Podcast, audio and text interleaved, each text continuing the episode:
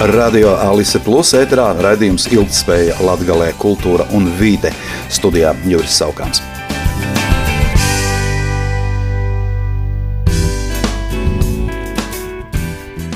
Neatkarīgā rīta avīze raksta, ka Centrālā finanšu līguma aģentūra jau no 20. janvāra sāks pieņemt projektu iesniegumus pašvaldību ēku energoefektivitātes uzlabošanai. Šim mērķim no atvesļošanas fonda pieejams 29,3 miljonu eiro liels finansējums. Atbalstu varēs saņemt tie projekti, kuru īstenošana ļaus ietaupīt vismaz 30% primārās enerģijas gadā, salīdzinot ar patēriņu pirms pasākumu īstenošanas. Pašvaldību ēkās ar fonda atbalstu valstu varēs veikt dažādus uzlabojumus energoefektivitātes un siltumnoturības veicināšanai, tajā skaitā ēku pārbūvi, apgaismojuma, dzēsēšanas, ventilācijas, siltumapgādes sistēmu izveidi vai atjaunošanu, ēkas enerģijas patēriņa vadībai nepieciešamo viedo tehnoloģiju iegādi, pieslēgumu izveidi pie centralizētās siltumapgādes sistēmas un citām darbībām. Plānotās viena projekta izmaksas šajā investīciju programmā var būt robežās no 30 tūkstošiem līdz 2 miljoniem eiro. No atvesļošanas fonda līdzekļiem paredzēts sekt attiecināmās izmaksas granta veidā 100% apmērā. Projektu iesniegumus eh, Centrālā finanšu un līguma aģentūra pieņems no 20. janvāra līdz 22. jūnijam. Projektu atlases dokumentācija pieejama aģentūras mājaslapā, bet par projektu iesniegumu sagatavošanu jau janvārī gaidāms tiešsaistes seminārs. Atvesļošanas fonda investīciju programma, pašvaldību ēku un infrastruktūras uzlabošana, veicinot pāreju uz atjaunojamo energoresursu tehnoloģiju izmantošanu un uzlabojot energoefektivitāti, izstrādāta, lai sekmētu pašvaldību ēku un infrastruktūras energoefektivitāti, samazinot pašvaldību budžeta izdevumus ēku uzturēšanai un apsaimniekošanai, kā arī komunālo pakalpojumu izmaksas iedzīvotājiem, kuri saņem pašvaldību sniegtos pakalpojumus. Zemkopības ministrija informē, ka Rezeknes novada Gaigalavas pagastā ieguldot 3,46 miljonus eiro 5 km garumā atjaunots un pieņemts eksploatācijā Lubāna ezera ziemeļu dambis. Projekts īstenots valsts SIA zemkopības ministrijas nekustamie īpašumi, ieguldot Eiropas rekonstrukcijas un attīstības fonda un valsts līdzfinansējuma līdzekļus. Dambja atjaunošanā veikta apauguma novākšana no būvtrasēm, aizsarga dambja nogāžu stiprinājuma krāvumu izbūve, akmeņu krāvumu izbūve, plasmasas rievpāļu stiprinājuma būve, tāpat ceļu nobrauktuves izveidošana un dambja klātnes atjaunošana, kā arī vides pieejamības uzlabošana un citi darbi. Vienlaikus līdz ar dambju atjaunošanu ir samazināti plūdu draudi apmēram 400 reizeknes, gulbenes, Madonas un Balvu novada iedzīvotājiem plūdu draudu skartajā gandrīz 32 tūkstošu hektāru plašajā teritorijā. Ministrijā skaidro, ka dambja atjaunošana bija nepieciešama, jo jau 2017. gada ilglaicīgo lietavu dēļ ūdens līmenis Lubāna ezerā sasniedza 94,84 metrus, un pieaugot rietumu vēju ātrumam, ziemeļu dambja nogāze tika tik strauji noskalota, ka veidojās izskalojumi pat 2,4 metru augstumā. Vienlaikus ministrijā atzīmē, ka valsts nozīmes meliorācijas sistēma atjaunošanai ir liela nozīme, jo tā tiek palielināta novada iedzīvotāju drošība un veicināta uzņēmē darbība lauku teritorijās. Pēc šādu projektu īstenošanas būtiski palielinās no plūdiem pasargāto dabas teritoriju vērtība, pievilcīgums un tiek nodrošināta produktīvāka teritorijas izmantošana.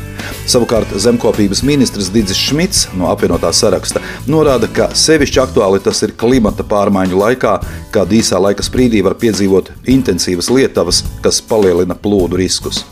Jāatzīmē, ka Lubāna ezers ar platību virs 80 km2 ir lielākais ezers Latvijā, kā arī lielākais iedambētais ezers Eiropā un atrodas Lubāna līdzenumā uz Reizeknes un Madonas novadu robežas. Pārtikas un veterinārā dienesta dzīvnieku infekcijas slimību uzraudzības daļas vadītājs Mārtiņš Seržants paziņoja žurnālistiem, ka Āfrikas cūku mēra apkarošanas pasākumos pagājušajā gadā medniekiem izmaksāti 963 470 eiro. Tajā skaitā par nomedīto meža cūku paraugiem samaksāti vairāk nekā 907 tūkstoši eiro, jeb aptuveni par 28% vairāk nekā iepriekšējā gadā. Mārtiņš Seržants skaidro, ka tas norāda gan uz meža cūku skaita pieaugumu mežos, gan arī, ka mednieki tās medījuši vairāk. 24,360 eiro izmaksāti iedzīvotājiem, kuri ziņojuši par atrastām beigtām meža cūkām. Aptuveni puse no visām atrastajām beigtajām meža cūkām bija Ziemeļlatgalē, proti Reizeknes balvu un Ludzas novados. Kā liecina pārtikas veterinārā dienesta publicētā informācija, Par katru izmeklēšanai atvestu paraugu komplektu, derīgu asins paraugu un astes galu mednieki saņem kompensāciju 30 eiro apmērā, savukārt par inficētā liemeņa iznīcināšanu medniekam pienākas 50 eiro kompensācija. Vienlaikus iedzīvotāji, kuri ziņo par atrastām mirušām meža cūkām un kuru sniegtā informācija ar precīzi uzrādītu beigtās meža cūkas atrašanās vietu apstiprinās, saņem 30 eiro kompensāciju pirms iedzīvotāju ienākuma nodokļa nomaksas. No šā gada sākuma Preļu un Krāslavas novada ezeros stājušies spēkā jauni limiti rūpnieciskajai zvejai. Izmaiņas veiktas pamatojoties uz pašvaldību priekšlikumiem par noteikto zvejas limitu izmaiņām iekšējos ūdeņos. Konkrēti Preļu novada Bieržgaļa ezerā samazināts zivju tīklu limits no 970 metriem līdz 450 Lielā Kolupa ezerā no 795 metriem līdz 350 metriem. Tāpat noteikts, ka Tartakas upē nav pieejams zušu murda limits. Tāpat veikti precizējumi atbilstoši administratīvi teritoriālajām izmaiņām. Proti, Kastuļinas pagasta ezeri no Prēļu novada ir pārcelti uz Krāslavas novadu, bet Krāslavas novads papildināts ar daļu no Rušona ezera, kas vienlaikus atrodas arī Prēļu un Rēzeknes novados. Līdz ar to arī divu zušu murdu limits kanālā, kas savieno Geraņimovas Ilzas ezeru ar Rušona ezeru, ir pārlikts no Prēļu novada uz Krāslavas novadu. Reizeknes Tehnoloģija akadēmija noslēgusi sadarbības līgumu ar Kaunatas vidusskolu. Tas paredz sadarboties tālāk izglītības jomā, kopīgi izmantojot pieejamo materiālu tehnisko bāzi un attīstot mācību programmas. Sadarbības līgumu RTA rektore profesore Iveta Mietule un Reizeknes novada Kaunatas vidusskolas direktore Ināra Paramonova parakstīja jau decembrī. Abas puses apņemas sekmēt apmācību un studiju kvalitātes celšanu un organizēt kopīgus eh, skolotāju, akadēmiskā personāla, zinātniskās un metodiskās kvalifikācijas paaugstināšanas pasākumus, kā arī regulāri apmainīties ar akadēmiskā darba kvalitātes celšanas pieredzi. Kaunatas vidusskola atrodas netālu no RTA. Katru gadu daži mūsu vidusskolas absolventi izvēlas uzsākt studijas Reizeknas Tehnoloģija akadēmijā. Mēs varētu plašāk īstenot sadarbību, attīstot jaunas iniciatīvas un sekmējot jauniešos pārdomātu karjeras izvēli. Tā žurnālistiem pauda Paramonova.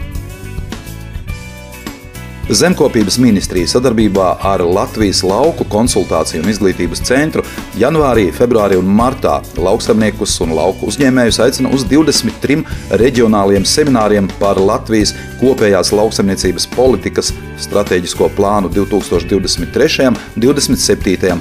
gadiem. Mērķis veicināt lauksaimnieku izpratni par jaunajiem atbalsta maksājumiem un to saņemšanas nosacījumiem.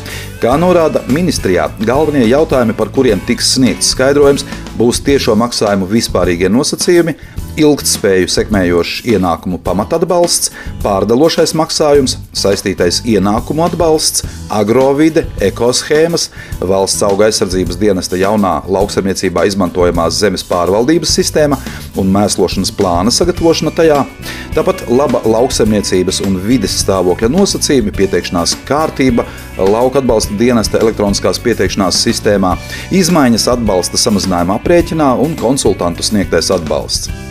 Janvārī semināri plānoti Gulbenē un Alūksnē, savukārt februārī un martā Krāslavas, Rēzeknes, Daugavpils, Sprēļu, Jākapils, Madonas un Balvu novados. Informācija par semināriem tiks publicēta lauku tīkla mājaslapā. Zemkopības ministrija aicina semināru dalībniekus pirms semināriem lauku tīkla mājaslapā iepazīties ar jau sniegtajiem skaidrojumiem un atbildēm par atbalsta pasākumiem no 2023. gada. Un vēl kāda ziņa par to, ko dara mūsu kaimiņi. Kā informē Igaunijas lauku turisma asociācija, tad šis 2023. gads Igaunijā ir pasludināts par saunas un pirts gadu. Starts pasākumam dots Igaunijas pilsētas Kadrinas pirtī, un līdz ar to šis gads Igaunijas lauku turisma uzņēmumos būs veltīts pirts kultūrai, vēsturei, tradīcijām un paražām, kā arī pirts cienītāju vienotībai Igaunijā un ārpus tās. Ideja tās autoram Rēnim Sikam radusies pirts procedūru laikā Kadrinas pirts vannā. Viņa prāt, saunai ir liela nozīme Igaunijas dzīvē, un šobrīd arī publiskās pirtis Igaunijā piedzīvo renesansi, jo cilvēki ir noguruši no modernajiem spā. Pirts gada ietvaros plānotas lekcijas un diskusijas ar pašmāju un ārzemju tvaiku pirts cienītāju piedalīšanos. Turklāt pirtī varēs doties gan klātienē, gan virtuāli. Tiks izdotas arī vairākas grāmatas, kā arī tiek gatavota dokumentālā filma par pirts tēmu. Tas ir jāpiedzīvo pašam. Pirts kultūra ir viss, ko tu dari pirtī. Kāpēc tu to dari, kā tu to dari, ko par to domā tavi senči, tā visa ir pirts kultūra. Piemēram, cilvēki uz Kadrinas pirti nāk no Rakveres, no Tapas, no citiem ciemiem un pilsētām, kur pirts nav. Tātad tas ir svarīgi, tā skaidro Reinis Siks. Mūsdienās ir visdažādākās pirtis - malkas, elektriskās, sūnu, kūdras, tvaika, aromātiskās, infrasarkanās, sāls, ar un bez slotām, mucu pirtis, pat peldošas pirtis uz plostiem. Kopumā Igaunijā ir vairāk nekā 150 dažādu veidu pirtis. Un visbeidzot atgādināšu, ka šodien, 3. janvārī, sācies fināla balsojums par gada vērtīgāko popa un roka dziesmu Latvijas Rādio 2 rīkotajā aptaujā Muzikālā banka 2022. 25 fināla dziesmas klausītāji un muzikālās bankas žūrija vērtēs līdz 16. janvārim, bet no 17. līdz 24. janvārim balsojums turpināsies vairs tikai par 15 klausītāju iemīļotākajām dziesmām. Balsošana notiek mājaslapā muzikalabanka.lv. Gada vērtīgāko dziesmu noskaidros klausītāju balsojums Muzikālās bankas 2002 apbalvošanas ceremonijas laikā. Šī ceremonija notiks 28. janvārī īsi pēc pulkstenes 9. vakarā Latvijas Rādio 2 un LTV 1 tiešraidē no Daugavpils Olimpiskā centra. Raidījuma ilgspēja Latvijā, kultūra un vide to par Sabiedrības integrācijas fonda atbalstu Radio Alis Plus studijā bija Juris Savkārs.